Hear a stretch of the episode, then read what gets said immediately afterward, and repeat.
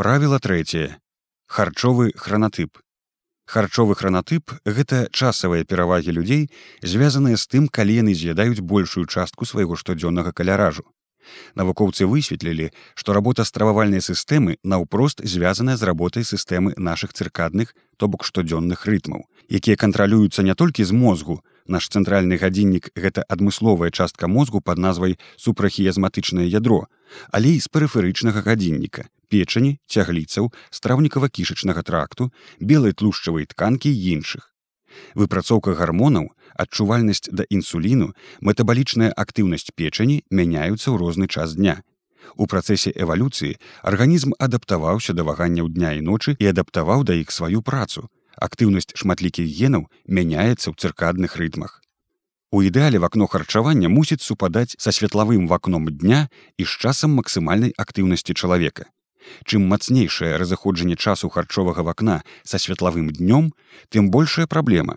З'ядайце ранкам і ўдзень не меней за 80соткаў агульнага дзённага каляражу. Размеркаванне калорыяў паміж сняданкам, абедам і вячэрай у суадносінах 50, 30 і 20соткаў паляпшае здароўе.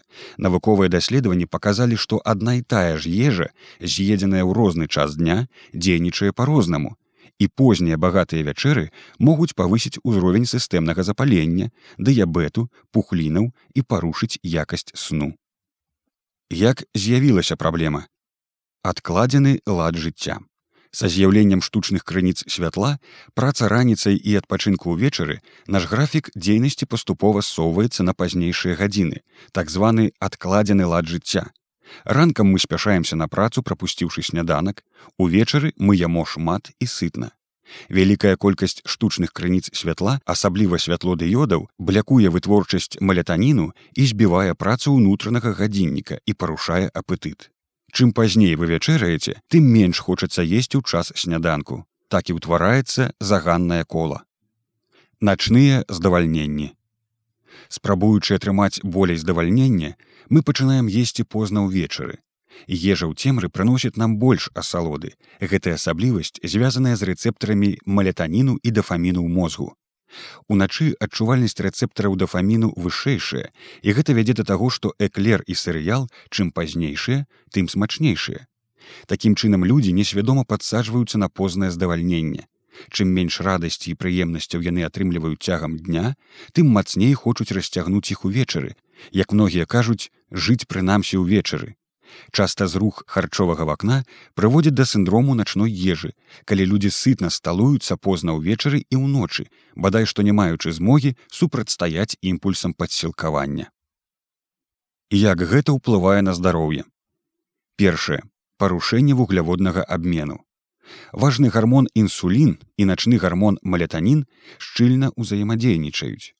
У норме ўзроўню гармону сну малетаніну і інсуліну, які рэгулюе вугляводны абмен, знаходзяцца ва ўзаемна зваротных адносінах.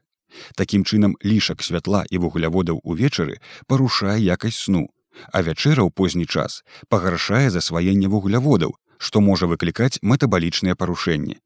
Урэшце рэшт высокі інсулін можа знізіць узровень малетаніну і перашкодзіць яго выдзяленню а зніжэнне малетаніну і працягласці сну з цягам часу знізіць адчувальнасць да інсуліну.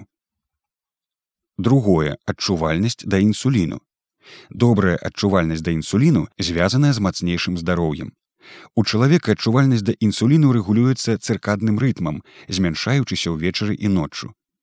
Гэты працэс звязаны не толькі з нашым цэнтральным гадзіннікам супрахіязматычным ядром гіпаталямусу, але і з гадзіннікамі печані, цягліцаў, падстраўніцы, падстраўнікавай залозы і тлушчавай тканкі. Раніцай і ў другой палове дня інсулінарэзістэнтнасць мінімальная, але ўвечары зніжаецца адчувальнасць і тлушчавых і цягліцавых тканак і печань да інсуліну. Тыя, хто з'ядаў траціну ці больш содневага рацыёну пасля 18, мелі больш высокія ўзроўні глюкозы і глікіраванага гемаглабіну, маркер і глікемічнага кантролю ў крыві, больш высокі інсулін і вышэйшую рызыку дыябету і павышанага артэрыяльнага ціску. Спалучэнне сытнага сняданку і лёгкай вячэры дапамагае лепей кантраляваць узровень глюкозы ў крыві ў параўнанні са спалучэннем лёгкі сняданак сытная вячэра рознасць узроўняў інсуліну і глюкозы ў эксперыментальных групах складала 20соткаў. Трэцяе сістэмнае запаленне і пухліны. Чым вышэйшы ўзровень інсуліну і сістэмнага запалення, тым большая рызыка раку. Навукоўцы высветлілі, што позняя ежа ўвечары павялічвае рызыку раку малочнай залозы.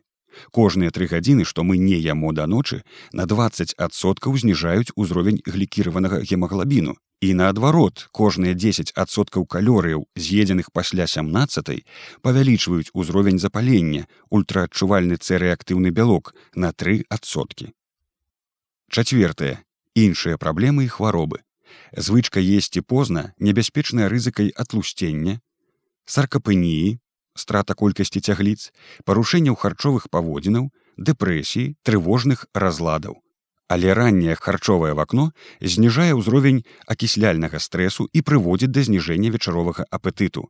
Ежа на ноч пагаршае працу самататропнага гармону, СТГ, звязанага значной аўтафагіяй самаачышчэння клетак.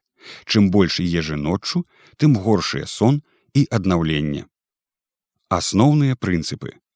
Першы. Перасуньце харчовае вакно на дзённы час.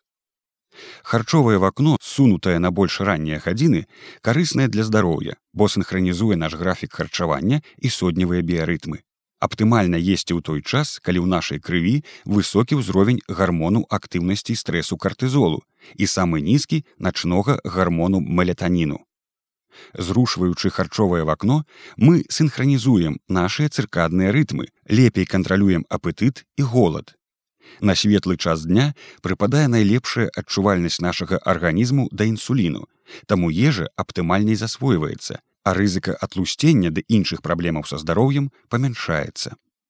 Гэты метад называецца па-рознаму, напрыклад, ранняе кармленне з часавым абмежаваннем.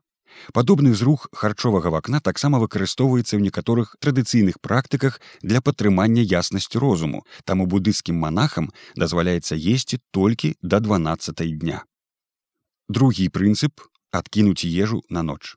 Некаторыя людзі маюць звычку піць кефір альбо малако для моцнага сну і гэтак далей. Гэтага трэба пазбягаць ніякай ежы ноччу. Трэці прынцып перагрупоўка каляражу. Захоўваючы ранейшы рэжым харчавання, пачніце разгружаць вячэру і павялічваць каляраж і аб'ём сняданку і абеду. Для многіх людзей менавіта вячэра з'яўляецца самай сытнай ежай, таму захавайце яе аб'ём дзеля падтрымкі сытасці ды зменшыце каляраж. Для гэтага дадайце больш прадуктаў з нізкай адноснай калярыйнай шчыльнасцю, зеляніна, сырая і вараная гародніна. Дадавайце тлушчы, каб стымуляваць выдзяленне гармону халецыстакініну, што падтрымлівае адчуванне сытасці. Для некаторых людзей наедным можа быць і бялок, але калі вы кепска спіце, то яго трэба пазбягаць на вячэру. Даследаванні паказалі, што зрушэнне каляражу з вячэры на сняданак і захаванне часу ежы цалкам эфектыўная стратэгія. Чацверты прынцып непасрэдны зрух харчовага вакна. Синхронна на паўгадзіны ці гадзіну зрушце на больш ранні час сняданак і вячэру. Пры гэтым не імкніцеся да крайнасці. Зрух нават на гадзіну можа быць карысны і палепшыць якасць сну. Для нас агульнай мэтай стане паступовы зрух і эвалюцыя вашага рэжыму ў наступнай паслядоўнасці. Не есці на ноч, не есці за дзве гадзіны да сну, не есці за тры гадзіны да сну, не есці за чатыры гадзіны да сну. Можа быць і 5, але чатыры гадзіны дастаткова для звычайнай працы ўсіх гармонаў. Прыклад. Вы снедаеце аб 11 і вячэраеце а 21. кладзяцеся спаць а 23 вы можете паступова соўваць сваё харчовае вакно гэтак. 10:00 20:00 9:00 19:00 8:00 18:00 У той жа час вядома вам давядзецца перакласці свой графік засынання і абуджэння. Такім чынам наша мэта можа быць сфармуляваная так скончыць есці да 16 але таксама цалкам рэальныя і маюць абгрунтаванне мэты скончыць да 17 і нават клясыка не есці пасля 18. Для краінаў размешчаных далей адэкватару графік можа мяняцца ў залежнасці ад сезону. У такім разе скрайні вечаровы час на ежу складае 19:00, а для нашых шыротаў 20:00 у вяснова-летні час з больш працяглым светлавым днём. Пры гэтым час засынання мусіць быць па магчымасці не пазней за 22, а ўлетку з доўгім светлавым днём магчымай да 23:00. Пяты прынцып вечаровы харчовы хранатып. У шэрагу выпадкаў могуць быць выключэнні з правіла. Напрыклад, культурныя асаблівасці ў гарачых краінах, дзе праз спёку цягам дня не хочацца есці. У многіх культурах вячэра грае сацыяльную ролю, калі яна збірае сваякоў і сяброў за адным сталом для зносінаў і адпачынку пасля працы. Людзі, якія працуюць па вечарах, цалкам могуць аддаваць перавагу вечароваму харчоваму хранатыпу. Як трымацца правіла, ідэі і парады. Дзейнічайце спакваля. Хутка змяніць свае звычкі цяжка і небяспечна назрыў. Таму разварочвайце свае біярытмы пакрысе і паступова. Крыху меней з'ясцё на вячэру на сняданак будзе больш апытыту. Чым болей з'ясцё на сняданак, тым менш захочацца на вячэру. Памятайце, што сыты вечар закладаецца раніцай. Тыя, хто прапускае сняданак, як правіла, ядуць шмат на ноч. Такім чынам бясплённа не есці вечарам, калі вы кепска паснедалі і паабедалі змагацца з пачуццём голаду ўвечары калі вы ўжо стаміліся і рэсурс сілы волі абмежаваны. Гэта свядома выракаць сябе на няўдачу. Пачынайце змены ад сняданку. Няма апетыту на сняданак? Калі няма апетыту на сняданак то рабіце вячэру больш лёгкай альбо прапускайце яе. Тады раніцай у вас будзе выдатны апетыт і жаданне есці. Вы зможаце з'есці дастатковы каляраж Па першым часе апетыт будзе нестабільны, таму вам спатрэбіцца крыху прымусу, каб добра паснедаць.